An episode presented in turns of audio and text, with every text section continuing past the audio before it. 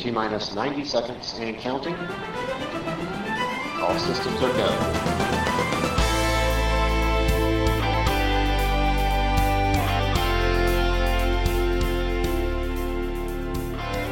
Hallo, leuk dat je luistert. Dit is Save the Earth, de podcast. Mijn naam is Lenny Tamerus. In elke aflevering ontmoet ik een van de mensen rondom de theatershow Save the Earth. Ik ga op zoek naar hun motivatie, hun ideeën en naar de mooie verhalen achter de show. Als je daar op de gletsjers bent, besef je inderdaad van dat dat eh, over 10, 20 jaar er echt anders uitziet. Dat is een korte termijn. Ik bedoel, dat maken wij gewoon mee. Ja, daar krijg je het van koud van. Vandaag ga ik op pad met Reinier van den Berg. Bekend weerman en jarenlang het gezicht van het weer van RTL. En daarnaast weet hij enorm veel van het klimaat en vooral de klimaatveranderingen. In de theatershow Save the Earth speelt hij een bijzondere rol.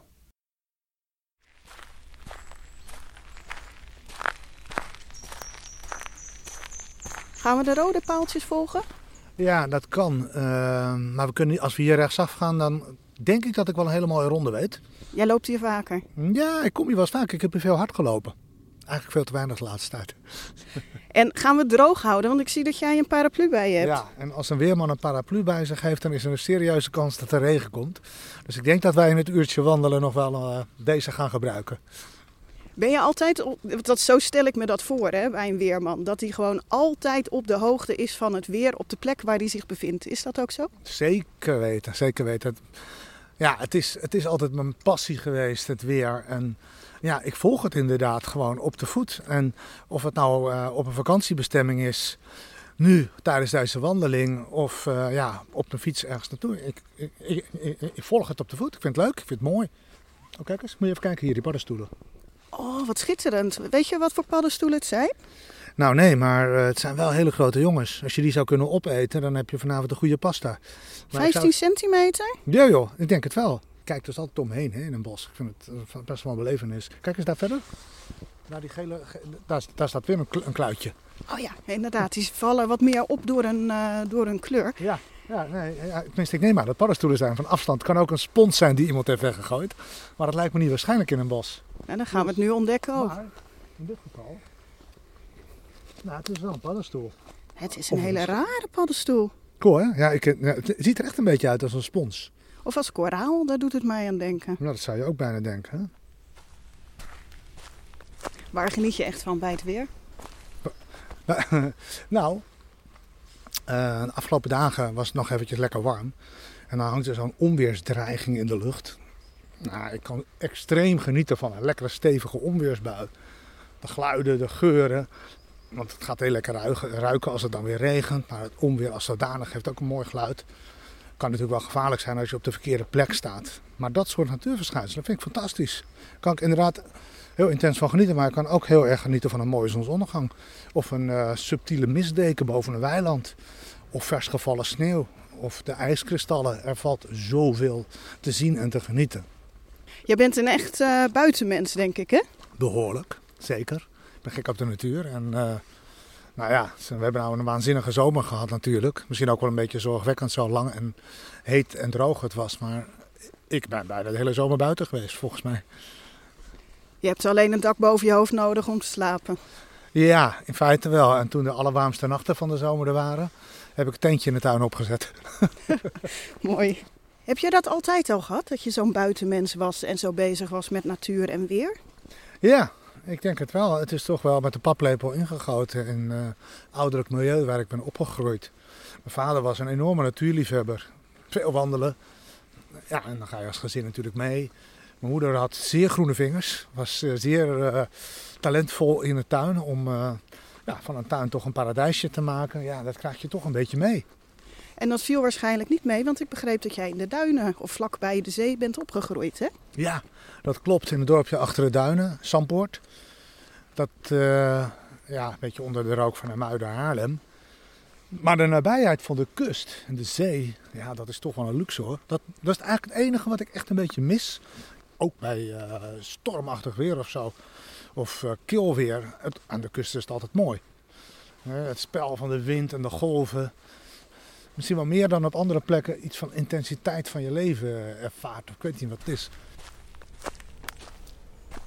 Wilde jij als kind ook al vrij vroeg uh, iets met het weer gaan doen? De meeste mensen willen brandweerman worden, toch? Ja, straal, straaljagerpiloot, politieman, dat waren de vriendjes van mij op de basisschool. Maar het is serieus waar. Ik wist op de basisschool al dat ik later nieuwslezer wilde worden bij het uh, journaal. Want in die tijd waren weermannen nog geen gemeengoed. Want als nieuwslezer kon ik het weer oplezen.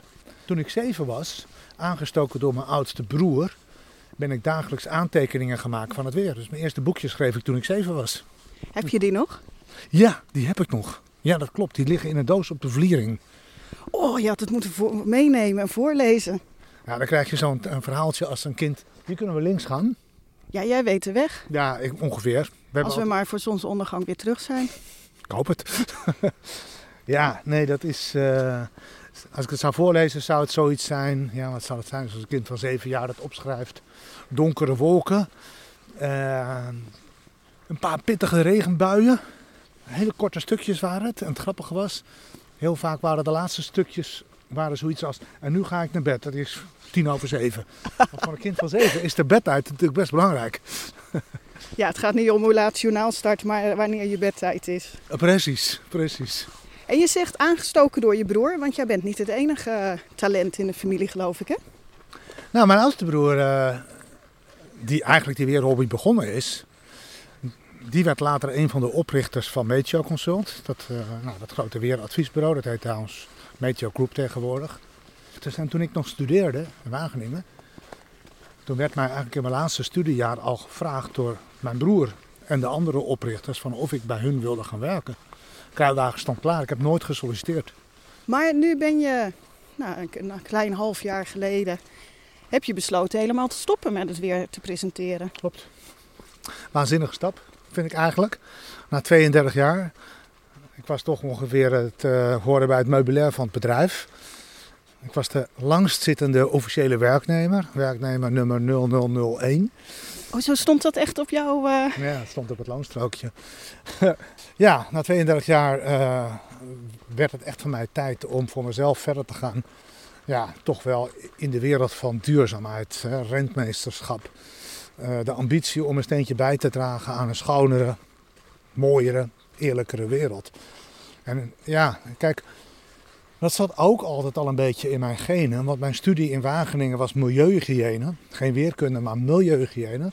Alleen omdat de kruiwagen klaar stond en mijn hobby natuurlijk ook wel aan me trok, was het voor mij een heerlijke tijd bij Meteo Consult en ik heb er veel geleerd.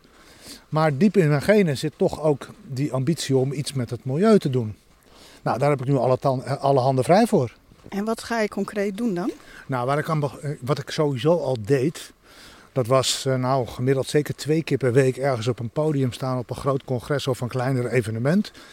Om het verhaal van klimaatverandering uit te leggen, maar vooral het handelingsperspectief te tonen. Hoe kunnen wij als mensen op individueel niveau of als bedrijfsniveau iets bijdragen aan, een, aan die schonere wereld? Uh, echt ook inspirerend, met voorbeelden en al. Dat was wat ik eigenlijk de laatste tien jaar al steeds meer deed. Daardoor kwam ik in contact met bijvoorbeeld startende bedrijven, maar ook uh, gevestigde bedrijven. Op het vlak van, nou ja, ik noem het altijd maar clean technology. Dus techniek om de wereld schoner te maken. En voordat je het weet, word je dan gevraagd: wil je meedenken? Wil je in het kernteam gaan meedraaien? Nou, dat doe ik nu bij twee startende bedrijven. Eentje in de wereld van het plasticprobleem op aarde oplossen.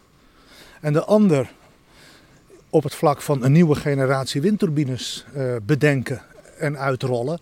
Waarbij windenergie nog veel efficiënter dan nu op zee kan worden benut. Ja, en die van het olie die kwam ik tegen. Dat vond ik eigenlijk wel een soort van heel logische gedachte. Dat ik dacht dat we daar niet eerder over nagedacht hebben. Eigenlijk ga je eh, van plastic weer olie maken. Je gaat weer terug. Ja, dat klopt. Het klinkt eigenlijk heel erg logisch. En daarom is die techniek ook al super lang bekend. Volgens mij al minstens 50 jaar is bekend dat je van olie plastic maakt, maar dat je dat ook kan omkeren. Dat, dus dat is niet het nieuwe. Wat wel het nieuwe is, dat is dat wij die technologie verbeterd hebben, zodat het op een winstgevende manier kan.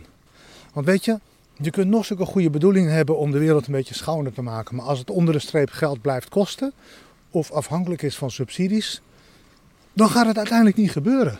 Dus het moet onder de streep op een gegeven moment met zwarte cijfers gedaan kunnen worden. Of er moet winst gemaakt kunnen worden.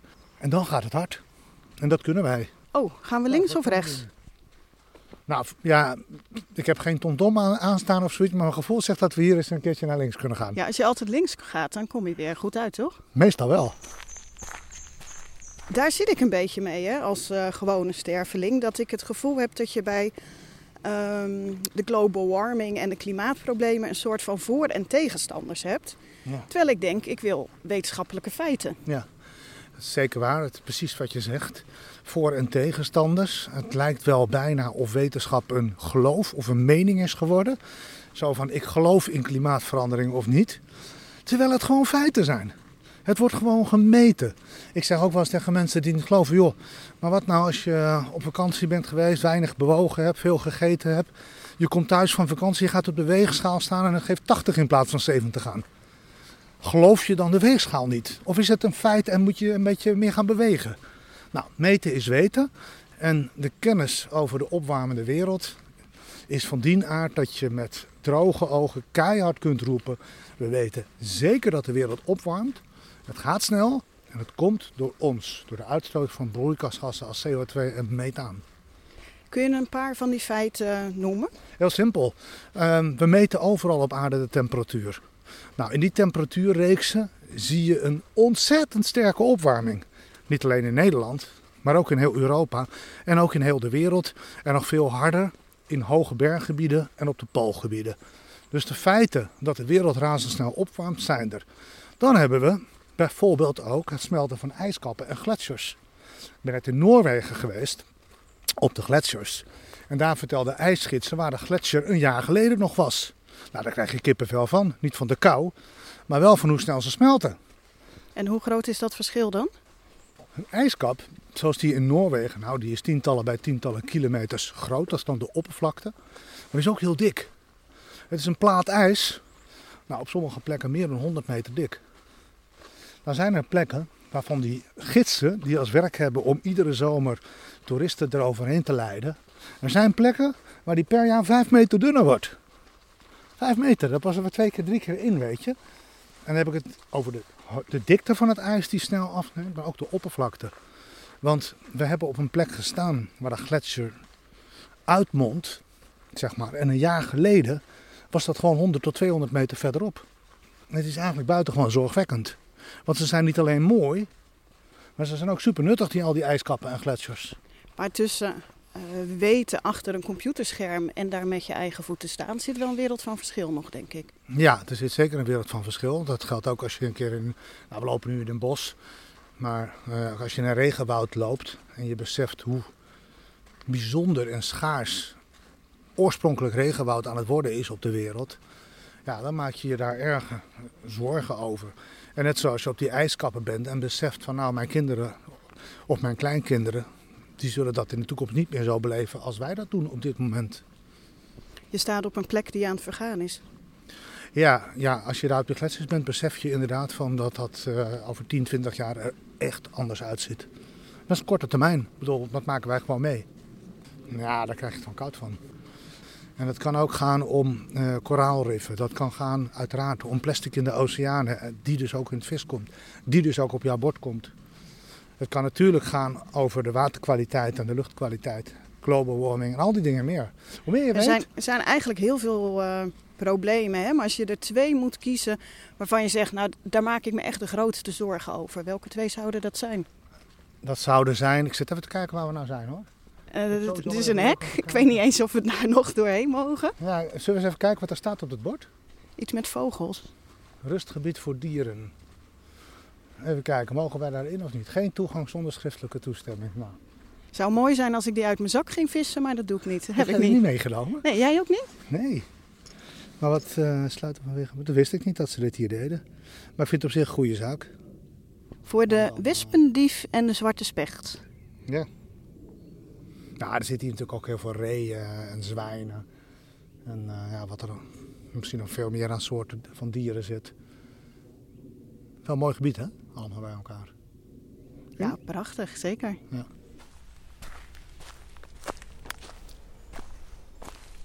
Jij vroeg dat, hè? De twee grootste problemen zoals ik ze zie. Ehm, nou, klimaatverandering is daar sowieso eentje van, want dat raakt eigenlijk alles wat leeft. Maar dat is zo'n overkoepelend probleem dat dat niet telt als één hoor. Nee, dat klopt. Het raakt bijna alles. Het raakt natuurlijk andere ecosystemen. Maar toch, ehm, je mag het als één ding zien, omdat de oorzaak één ding is. En dat is namelijk de uitstoot van broeikasgassen. En daarom zie ik het toch als één. En die ander ehm, ja, is denk ik toch het enorme probleem van plasticvervuiling in de wereldzeeën. Ze hebben het al gevonden op de Zuidpool. Ze hebben het gevonden op de mooiste stranden van de Malediven. Ze hebben het gevonden op de diepste plekjes van de oceaan. Overal is plastic. Nou, en als je weet hoeveel plastic er per dag bijkomt die via grote rivieren in de oceaan terechtkomt. Ja, over 50 jaar is er meer plastic in de oceaan dan vis. En wat er aan vis over is, daar zit plastic in. Klinkt heel somber, maar ik denk toch dat we die kant op gaan als we niet radicaal het stuur omgooien. Bedankt voor het luisteren. Luister ook naar deel 2 van de wandeling met Reinier van den Berg. kennis, de overtuiging dat we met z'n allen op een ravijn afvliegen. En eh, de overtuiging ook dat we nog op de rem kunnen trappen. En als je die dingen combineert, het gaat fout, tenzij, ja, dan kun je die kennis niet voor jezelf houden.